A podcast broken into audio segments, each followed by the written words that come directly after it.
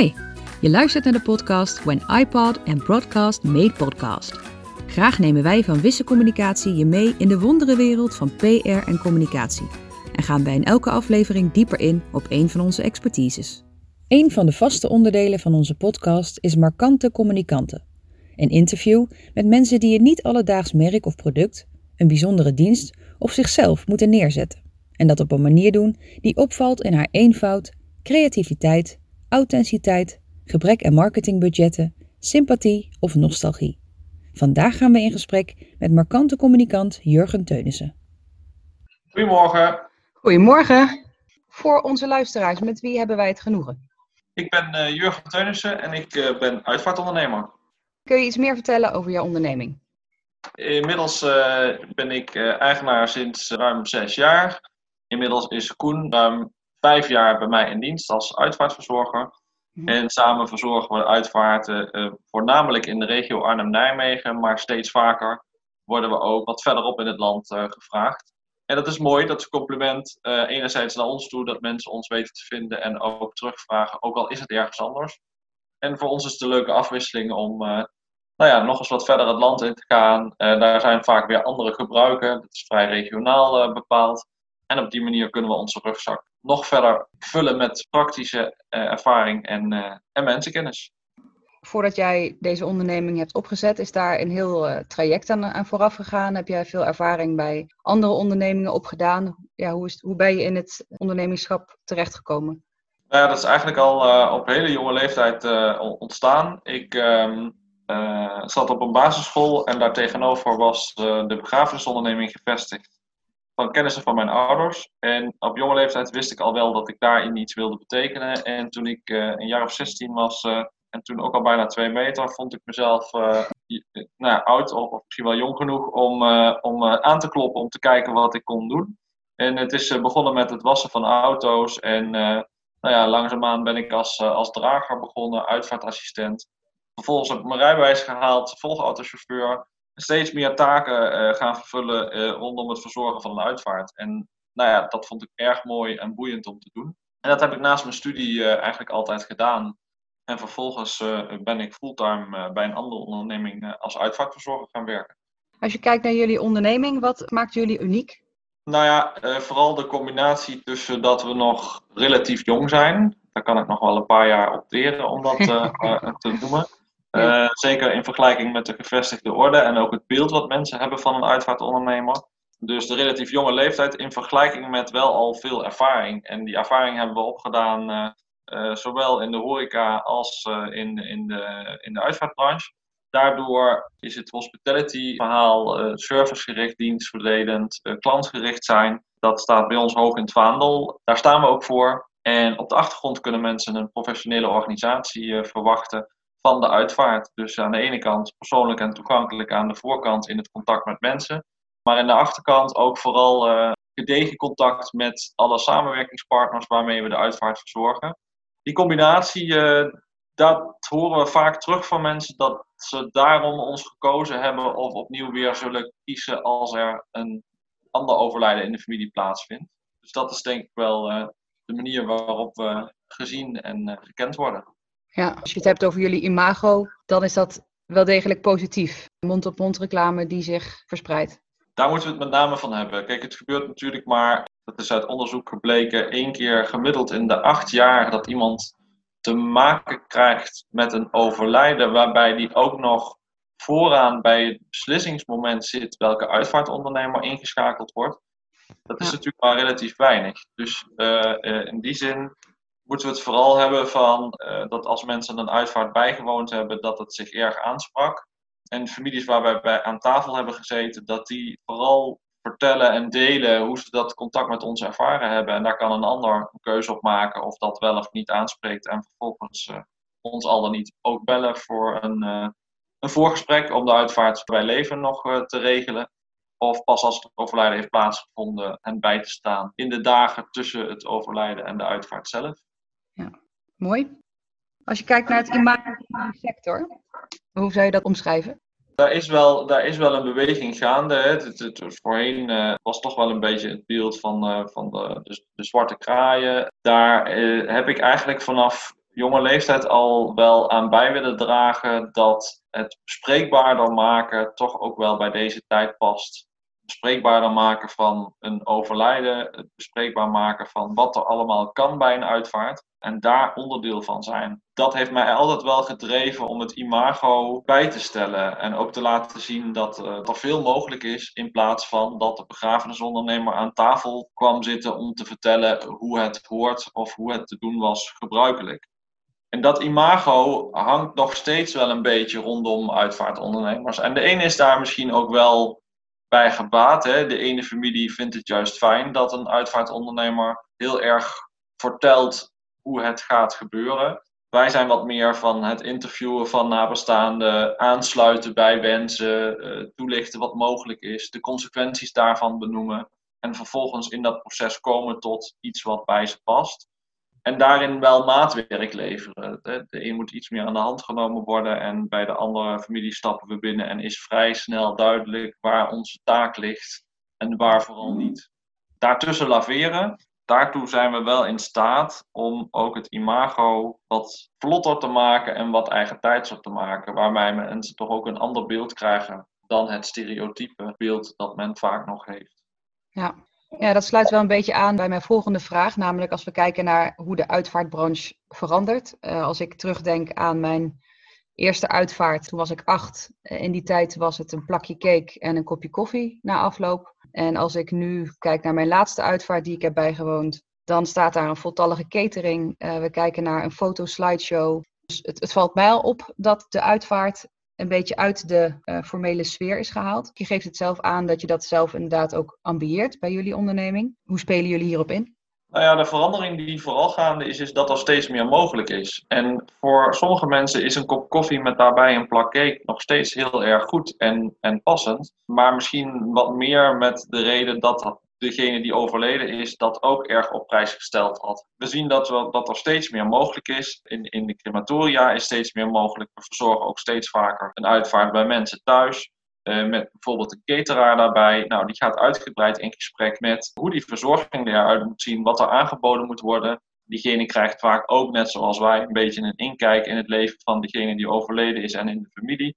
Waarbij er ook daarin maatwerk verzorgd kan worden kan zijn dat iemand heel erg fan was van bepaalde wijn. En voor de een is het weer heel erg belangrijk dat mensen goed ontvangen worden, op hun gemak gesteld worden, de vragen beantwoord worden en begeleid worden naar de ruimte waar de ceremonie is en of aansluitend de condoleance. Daarbij wordt ook vaker gekeken naar waar laat je dat nou plaatsvinden. Is dat in het crematorium, waarbij je links of rechtsom toch altijd gebonden bent aan tijd? Want voor ons was een andere uitvaart, maar na ons komt ook een andere uitvaart. Wij willen graag op tijd beginnen, maar de ondernemer voor ons heeft ook graag op tijd willen beginnen. Maar degene die na ons komt, wil het ook graag. Dus het crematorium verwacht dat we daarin een goede planning maken. Dan kun je die tijd extra bijhuren. Maar uiteindelijk blijft, kan het toch blijven voelen als dat er een eindtijd aan zit. Nou ja, als je het dan hebt over wat wordt er steeds meer aangeboden, dan zou je ook uh, naar een andere locatie kunnen gaan, naar bijvoorbeeld een horecalocatie. Het voordeel daarvan is, is dat het al heel anders voelt om daar te zijn, aangezien er maar één uitvaart op die dag is en je de enige bent. Wat voor veel mensen een belangrijk gevoel is op die dag.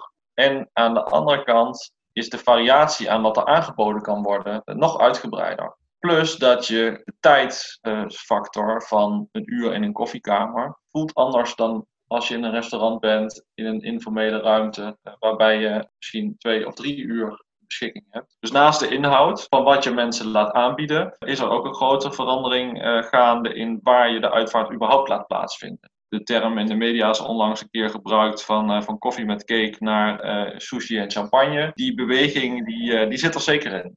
Als ik dat zo hoor, van cake naar sushi, komt bij mij ook de gedachte op van, goh, gaan de kosten dan niet ineens gigantisch omhoog? Als je het vergelijkt met, met vroeger en nu, dat uitvaarten veel meer geld kosten? Of is dat automatisch gegroeid met de tijd? Nou ja, ik denk dat allebei een beetje waar is. Uh, op het moment dat je meer wilt, uh, staat daar ook een ander kostenplaatje tegenover. Daarom is het niet voor iedereen het passend, uh, naar aanleiding van de wensen, maar ook niet naar aanleiding van het budget, om die ruimte te benutten die er tegenwoordig is.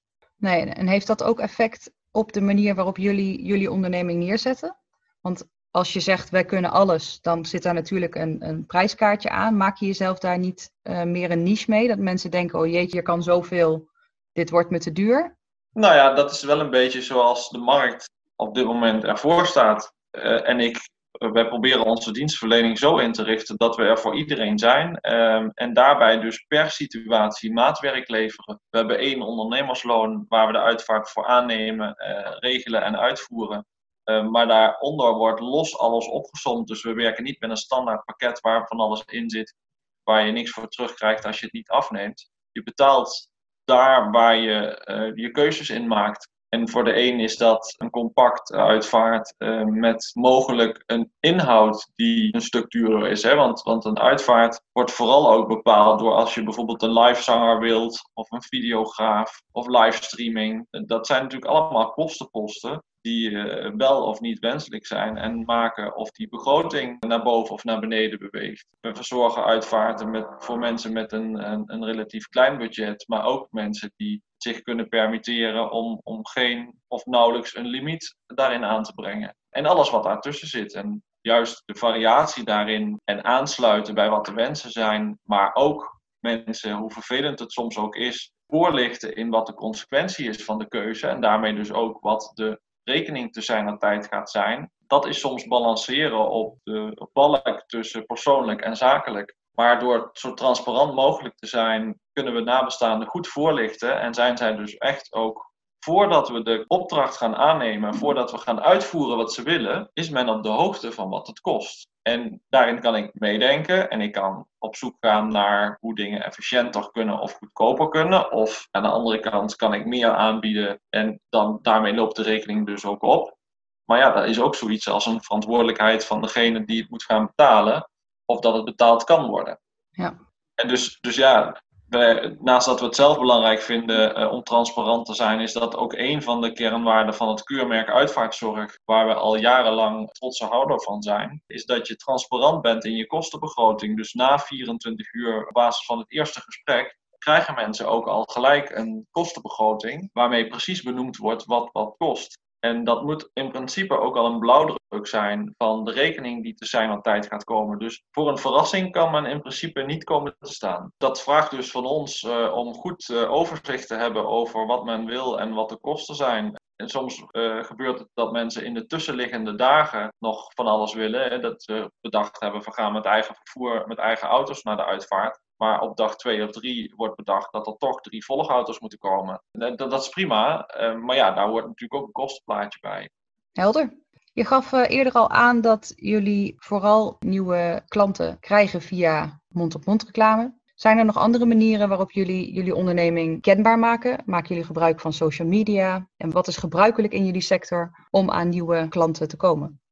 De manier waarop wij aan uitvaart komen, die is best ruim. Ik bedoel, uh, we hebben een aantal doorverwijzers en dat zijn professionals, uh, pastoors, dominees. Dat kan een medewerker in een hospice zijn, dat kan een huisarts zijn. Nou, op het moment dat nabestaanden met een overlijden te maken hebben en vragen aan een professional van, goh, ik moet een uitvaartondernemer bellen, heb je goede ervaring, dan hopen we natuurlijk dat we genoemd worden. Het liefst heb ik dat ze een top 3 noemen, uitvaartondernemers, waar we op zijn minst bij zitten en vervolgens de nabestaanden de websites bezoeken. Tegenwoordig heeft iedere uitvaartondernemer een website. Uh, we hebben ook een website met daarop een videoportret, dat mensen ook kunnen zien nou ja, wie we zijn en wie ze aan tafel kunnen verwachten. En op basis daarvan een keuze kunnen maken. Mensen kunnen reviews lezen. Ze kunnen zien wat we nog meer doen naast het verzorgen van uitvaarten, over het voorzien van informatie aan mensen over wat er vooral mogelijk is nou ja, in die breedte proberen we informatief te zijn. En dat is ook de functie zoals ik dat op social media inzet. Dat ik vooral probeer artikelen te delen die ik tegenkom, die ik zelf interessant vind, maar waarvan ik ook hoop,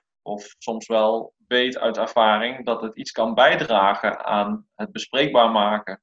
Nou ja, door je op die manier zichtbaar te maken, ja, word je gezien en uh, zien mensen mij en mijn onderneming. En dan kom ik terug op waar ik uh, in het begin over sprak, is dat maar eens in de acht jaar uh, iemand met een uitvaartondernemer moet kiezen. Nou ja, dan hoop je dat op het moment dat het nodig is, dat men aan je denkt en dat ze voor ons kiezen. En dat, dat wordt gevoed door persoonlijk contact, hè, mensen die ik op straat ontmoet of tegenkom uh, in mijn sociale leven of tijdens netwerkbijeenkomsten. Ik denk zelf dat het en en en is, dus door, en door professionals aanbevolen te worden, zichtbaar zijn op social media. Er zijn veel mensen die ik uit mijn horeca-tijd ken en die mij toegevoegd hebben op LinkedIn in de loop der jaren, of ik hun, waarmee je dus ook een, een netwerk hebt. Facebook en Instagram uh, werkt weer op een iets andere manier. Dus ja, ik zie daar zeker het, het doel van. En ehm, het gebeurt ook regelmatig dat mensen zeggen: Ja, we volgen je al een tijdje. maar ehm, ja, nu is, het echt, nu is het echt nodig, want er is een overlijden in onze familie. We zouden het fijn vinden als je ons bijstaat.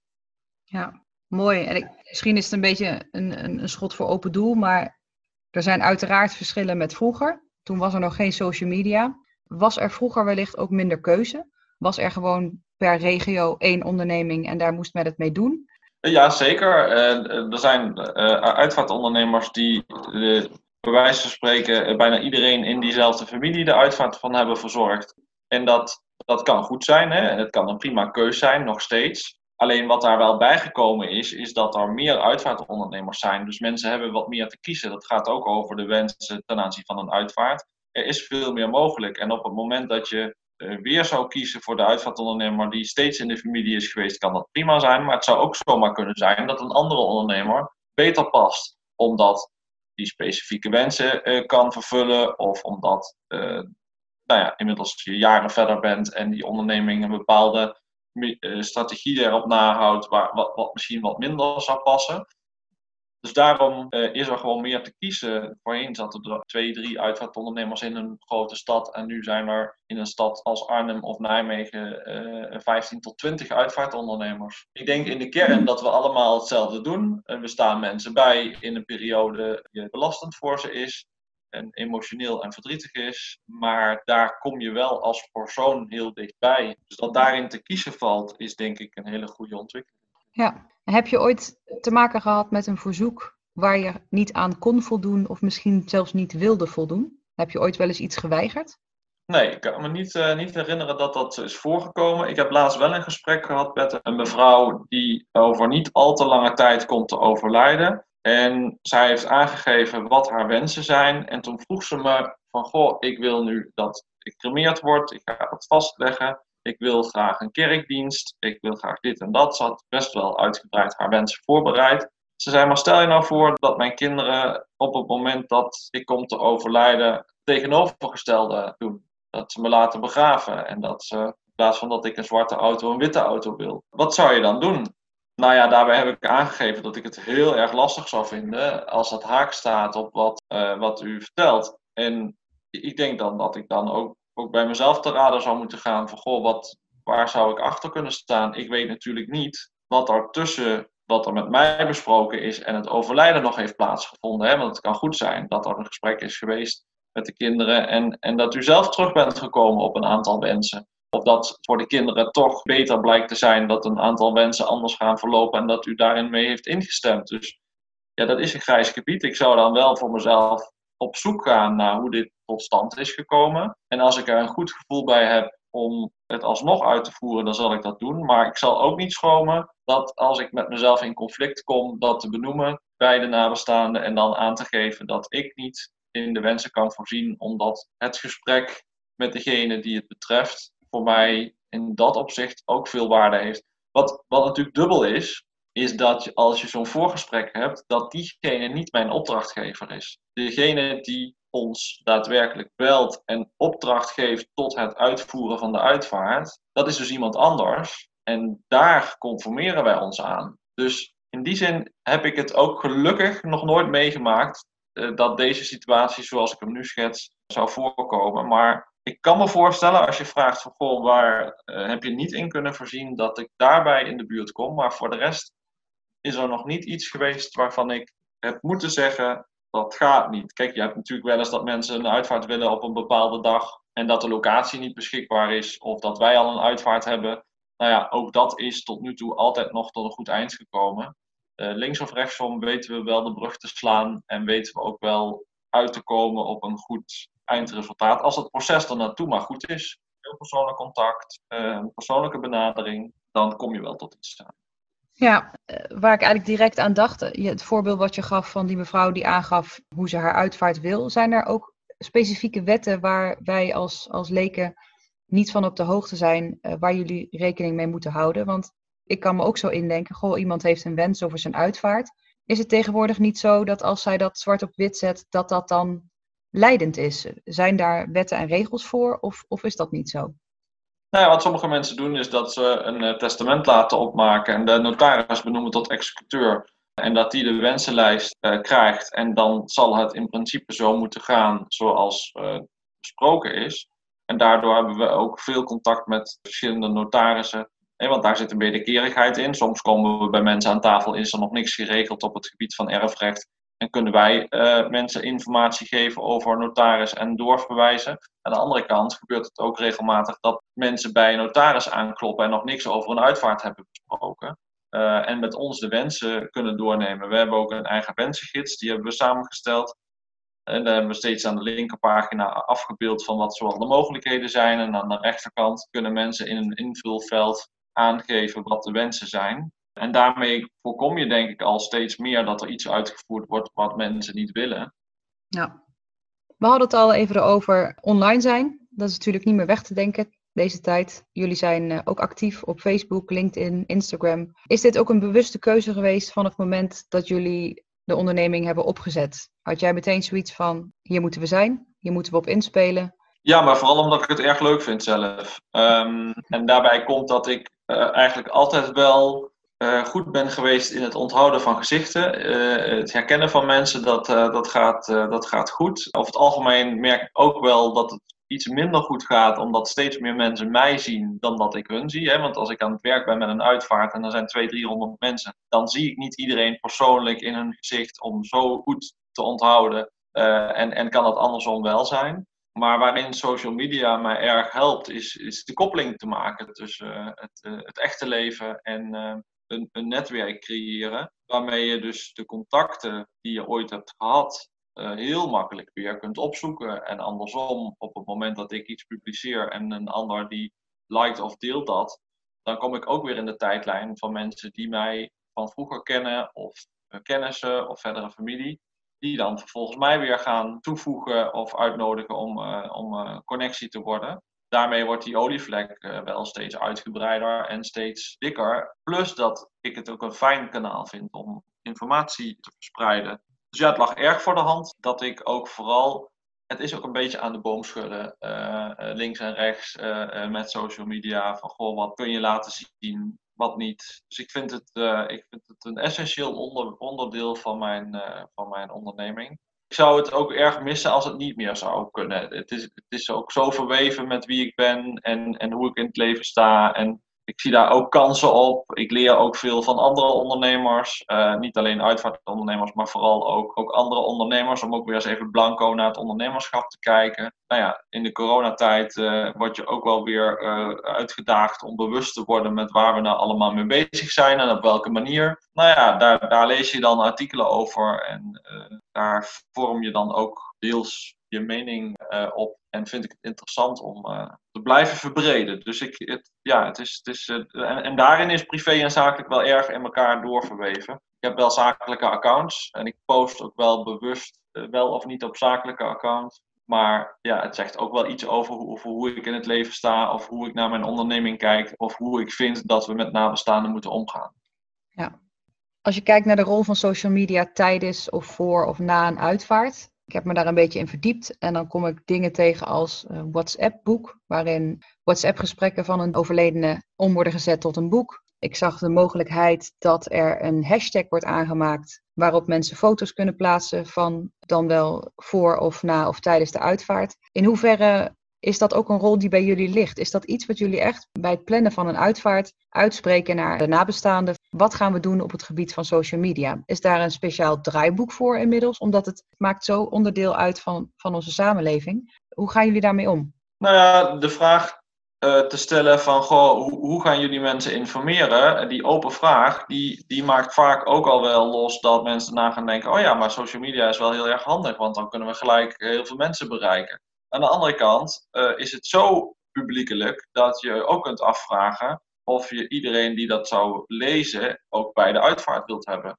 Zeker rondom uh, deze richtlijnen in de tijd van corona is dat gewoon niet mogelijk. Dus zul je ergens een begrenzing moeten aanbrengen. Nou ja, wat je dan wel vaak ziet is dat mensen na de uitvaart een foto plaatsen met degene die overleden is en daar een persoonlijke tekst bij, zodat mensen ook via social media hun condoleances kunnen uiten. Livestreaming is, uh, is steeds meer uh, aan de orde. Dus er zijn ook wel mensen die bijvoorbeeld e-mailadressen verzameld hebben via de rouwkaart, maar ook op social media de oproep hebben gedaan, zodat mensen een link konden krijgen om online mee te kijken. Dus dat gebeurt wel. Er zijn speciale bedrijven die nazorg verlenen op het gebied van zakelijke dienstverlening, die het opzeggen van bijvoorbeeld social media accounts beheren. Nou ja, inderdaad, het overzetten van gesprekken naar een boek vanuit WhatsApp, dat is mogelijk. Er is heel veel mogelijk. En ik vind het wel onze taak dat wij vooral de mogelijkheden aanbieden. Maar als ik alles moet gaan aanbieden in die tijd dat we de uitvaart moeten verzorgen, dan ben ik bang dat nabestaanden echt overladen worden met wat er allemaal kan. Dus enige selectie, die wordt wel aangebracht. En tegenwoordig zijn mensen vaak ook al zelf heel erg voorbereid voordat ik binnenstapte. Ik kan me nog herinneren dat toen ik voor het eerst als uitvaartverzorger aan de slag ging, dat mensen nog heel erg stil en braaf zaten te luisteren en het gesprek nauwelijks of niet onderbroken werd. Maar op het moment dat ik nu binnenstap, dan is vaak de iPad op tafel omdat mensen al dingen hebben uitgezocht. Uh, mensen zitten op hun telefoon omdat ze toch al familieleden hebben geïnformeerd en worden daardoor gebeld of geappt of iemand heeft iets op social media gezet, waardoor ineens heel veel mensen het weten, wat toch eigenlijk niet de bedoeling was. Want ze willen ook de tijd krijgen om in alle rust de uitvaart voor te bereiden. En hebben misschien wel bedacht dat die uitvaart in besloten kring plaatsvindt met 20 of 30 mensen, los van de richtlijnen. Want dat was ook al wel gaande voor de coronatijd. Mensen toch bewuster na gaan denken wie ze bij de uitvaart willen hebben en wie niet. Nou ja, daar heb je wel allemaal mee te maken in zo'n gesprek. En daar ligt voor ons ook wel de taak om daarop te anticiperen en ook te kijken van goh, hoe kun je in zo'n gezinssamenstelling kijken naar wie waar zijn sterke punten heeft liggen. En, en zou je ook met diegene kunnen kijken van goh, zou die dat kunnen oppakken voor degene die overleden is, om zo onderdeel en toegevoegde waarde te hebben voor de uitvaart. Wij benoemen het wel, uh, wij, uh, wij uh, benoemen ook de mogelijkheden, maar de daadwerkelijke uitvoering is toch vaak door degene die die account of die dat account beheert. Dus meedenken zeker en dat is ook leuk om dat te doen. Zit daar ook handhaving bij? Stel dat de, dat de nabestaanden aangeven van we willen niet dat er dingen worden weergegeven op social media. Het gebeurt toch. Is dat iets wat ook inmiddels bij jullie ligt? Of is dat echt iets wat de mensen toch zelf moeten oplossen? Nou ja, vooral zelf oplossen. Kijk, wij hebben ook niet altijd zicht op wat er dan gebeurt op social media. Ik ben zelf, als ik het, eh, als ik het naar, op mezelf betrek, altijd heel zorgvuldig. Probeer ik zo zorgvuldig mogelijk te zijn in wat ik post op uh, social media. Dus op het moment dat ik een foto post van een uitvaart, dan heb ik echt uitgebreid contact gehad met nabestaanden of ze het goed vinden dat die foto gepost wordt. Ik zorg dat de nabestaanden niet zichtbaar zijn probeer mijn tekst vrij algemeen te houden om het niet heel erg toe te spitsen op die ene foto en die ene uitvaart. Dat is wat ik er zelf aan doe. En aan de andere kant zie je dat mensen toch, ja, hoop je dat men toch onderling het fatsoen heeft om te wachten met het publiekelijk maken van het een en ander voordat de familie daar toestemming voor heeft gegeven. Alleen, ja, in de praktijk gebeurt dat niet altijd. Ik bedoel, soms is er een, een reden dat iets gepubliceerd wordt in de media over een overlijden. Op het moment dat de link gelegd wordt tussen iemand uit die kring van de familie of kennissen met dat artikel, ja, dan is het natuurlijk voor iedereen duidelijk om wie het gaat. We hoogstens kunnen we het handhaven door de, met de pers contact te hebben. Dat gebeurt ook wel regelmatig bij uitvaarten waarvan men denkt dat pers komt. Uh, dan nemen we daar van tevoren wel een standpunt in, of laten we de familie een standpunt innemen, waar wij dan over communiceren met de pers. Ik heb laatst al een uitvaart verzorgd uh, voor coronatijd in het centrum van een stad in Brabant waarbij de pers uh, om de hoek stond. Ze hadden redenen om uh, aan te nemen dat het interessant was om daar iets over te publiceren. Nou ja, die familie die, die wilde dat niet. Het was ook een besloten uitvaart. Dus uiteindelijk hebben we die, uh, die journalist ook verzocht om daar niks over te melden en niet, niet te fotograferen of geen tekst op te stellen. Maar ja, dat, dat blijft wel ongrijpbaar. Vind je social media eerder een toevoeging of vind je het juist dingen bemoeilijken? Ik vind het wel een toevoeging. Vanuit onszelf om zichtbaar te zijn, informatie te geven voor nabestaanden om, uh, om uh, dingen op te zoeken, om dingen te lezen die uh, dingen bespreekbaarder maken, om mensen beter in kaart te brengen. Nee, ik vind het echt wel een toevoeging.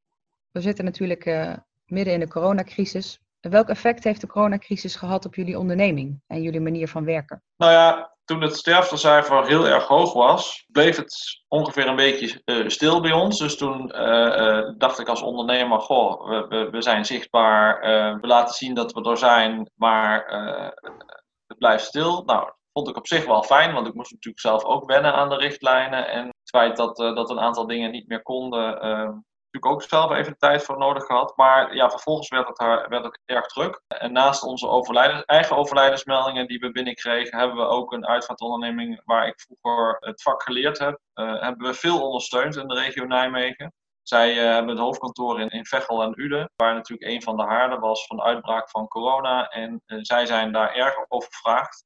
En op het moment dat ze een beroep op punt gedaan werd in de regio Nijmegen, hebben ze ons gebeld en hebben wij de nabestaanden eh, bijgestaan en die uitvaart eh, verzorgd. Dus dat was wel mooi eh, om te doen. Maar dat is wel een drukke periode geweest. Toen is het even rustig geweest. En, en, vervolgens hebben we weer een aantal weken gehad waarbij het erg druk is. Ja, en het is vooral zoeken naar hoe kun je per uitvaart en per regelproces toch er voor de mensen zijn. Maar niet meer zoals we voorheen deden, twee, drie uur aan tafel zitten om de hele uitvaart te regelen. Dat is een tijdje niet geweest. Huisbezoeken werden door de eh, RIVM en door de brancheorganisatie sterk afgeraden. Eh, ook omdat we bij de cruciale beroepen zijn ingedeeld, was het ook tijdelijk niet mogelijk. Nou, daar hebben we ons keurig aan gehouden. Maar bijvoorbeeld het afgeven van rouwkaarten, het ophalen van de kleding van de overledene waarin diegene gekleed moet worden, aan de deur staan op het moment dat de overledene opgehaald wordt thuis en overgebracht wordt naar een uitvaartcentrum. Of nog even langsrijden langs het woonhuis met eventueel een erehaag door de buren. Ja, dat zijn natuurlijk wel allemaal momenten waarop je er wel kunt zijn. En waarbij je ook, uh, al is het met uh, anderhalve meter afstand, toch met mensen uh, in contact kunt raken. Maar het is wel anders geweest. Ik ben blij dat de versoepeling weer van toepassing is. En we ook sinds een maandje weer gewoon op huisbezoek gaan bij mensen. Het is vooral fijn, vind ik, om aan tafel te zien wat het effect van mijn werk en van mijn aanwezigheid is. Op het moment dat ik iets vraag of iets toelicht, dan kan ik in de ogen van die ander zien uh, en voelen of het aankomt of niet. Of dat de helft me aankomt en ik het nog een keer herhaal of nog een keer vanuit een andere kant bekijk. Er wordt in de gesprekken ook vaak wel iets bedoeld. Dat zijn mooie gesprekken waarbij uh, ik het toch wel uh, veel daarvan moet hebben. En op het moment dat je dat via beeld moet doen, komt dat natuurlijk heel anders over. En voel ik toch wel de begrenzing, ook van onze dienstverlening. We zijn daar juist voor op persoonlijk contact, uh, mensen bij te staan, uh, eerder te veel dan te weinig te zien. Daar hebben we wel de zeilen in bij moeten zetten, maar gelukkig is die periode weer voorbij. En het blijft opletten. En we, zijn natuurlijk best, we hebben best veel uitvaarten verzorgd van mensen die eh, door corona getroffen zijn, of waarvan de familie door corona getroffen is. En ja, daar lopen wij dan ook doorheen met zo'n uitvaart. Dus in dat opzicht uh, vraagt het wel alertheid. Maar ik ben blij dat die alertheid uh, iets uh, afgezwakt kan zijn, omdat we dan vooral de energie en aandacht op de familie en de nabestaanden kunnen houden. Ja. Als je kijkt naar de uitvaarten zelf, zijn die de afgelopen tijd creatiever ingestoken? Of heb je juist eerder het idee dat veel uitvaarten hebben geleden onder de maatregelen? Nou ja, ik denk ook en en uh, uh, dat waar is en dat we gezien hebben. En dat kan bij dezelfde uitvaart, uh, kan allebei van toepassing zijn. Aan de ene kant zie je dat mensen begrensd werden, maar tegelijkertijd zie je dat mensen um, het livestreaming of het toch wat meer van de inhoud van een uitvaart moeten hebben. Dus dat er nog eens een keer extra bij het spreekgedeelte foto's en muziek stilgestaan wordt, omdat er niet zo heel veel meer is eromheen. Hè? Want alles was in de richtlijnen ook, ook afgeschermd. Koffie en thee was niet mogelijk uh, naar de hand. Ik heb de uitvaart meegemaakt waar mensen naar de hand uh, met, in tweetallen met elkaar een stukje gingen wandelen om nog even na te praten. Mensen in hun eigen omgeving bedacht hebben om uh, op een later moment nog een keer een herdenkingsbijeenkomst te laten plaatsvinden. Waarvan wel gezegd wordt, nou ja, dat moeten we dan nog maar zien tegen die tijd. Want veel mensen, maar ook nabestaanden, gaan verder met hun leven. En ja, vragen zich af of het dan nog wenselijk is om na verloop van tijd nog een samenkomst te organiseren. Uh, maar dat moet blijken of dat nog. Uh, we hebben wel een aantal mensen die dat nog steeds van plan zijn. We hebben ook wel een aantal mensen die dan zeggen van nou, we houden het bij dit en het is goed zo. Dus ja, wat wel zo is, is dat je daarmee gedwongen wordt om het klein te houden. Maar achteraf horen we dan wel van mensen terug. God, het was eigenlijk wel heel erg intiem om het zo te doen. Het is dat we nu gedwongen werden door de richtlijnen, maar misschien hadden we het voor die tijd ook zo moeten doen. Ja, en zijn dat dingen waarvan je denkt dat je die gaat meenemen in de toekomst, als we straks weer de vrijheid hebben? Nou ja, wat we vooral meenemen is dat de ontwikkeling eh, eh, volgens mij echt wel doorgezet wordt, is die ook voor coronatijd was, dat mensen bewuster na gaan denken wat bij ze past.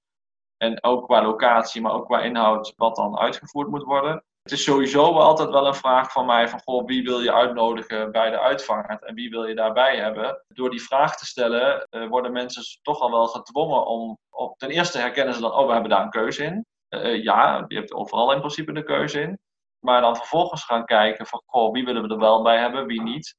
En daar een keuze in durven maken. Dat is voor veel mensen wel iets wat nog lastig is. En ik denk dat deze periode wel heeft bijgedragen aan enerzijds in het algemeen bewustwording, maar ook met een uitvaart. Van in coronatijd met 30 mensen moest je dus een keus maken en ben je er ook toegekomen. Nou, voor de nabestaanden die daarna volgen is het denk ik ook goed om je bewust die vragen te stellen. En ik denk dat we dat voorheen al wel deden. Maar nou, zo geldt het met alles. Als het lange tijd van toepassing is, dan heeft het ook bij ons uh, top of mind. Dus dan ben je er misschien nog alerter op. Mooi. Ik denk dat we een heel eind zijn gekomen. Dankjewel. Dit was het voor deze week. Heb je een vraag naar aanleiding van deze aflevering? Of heb je een wens voor een thema voor een nieuwe aflevering? Laat het ons weten. We maken deze podcast immer speciaal voor jou.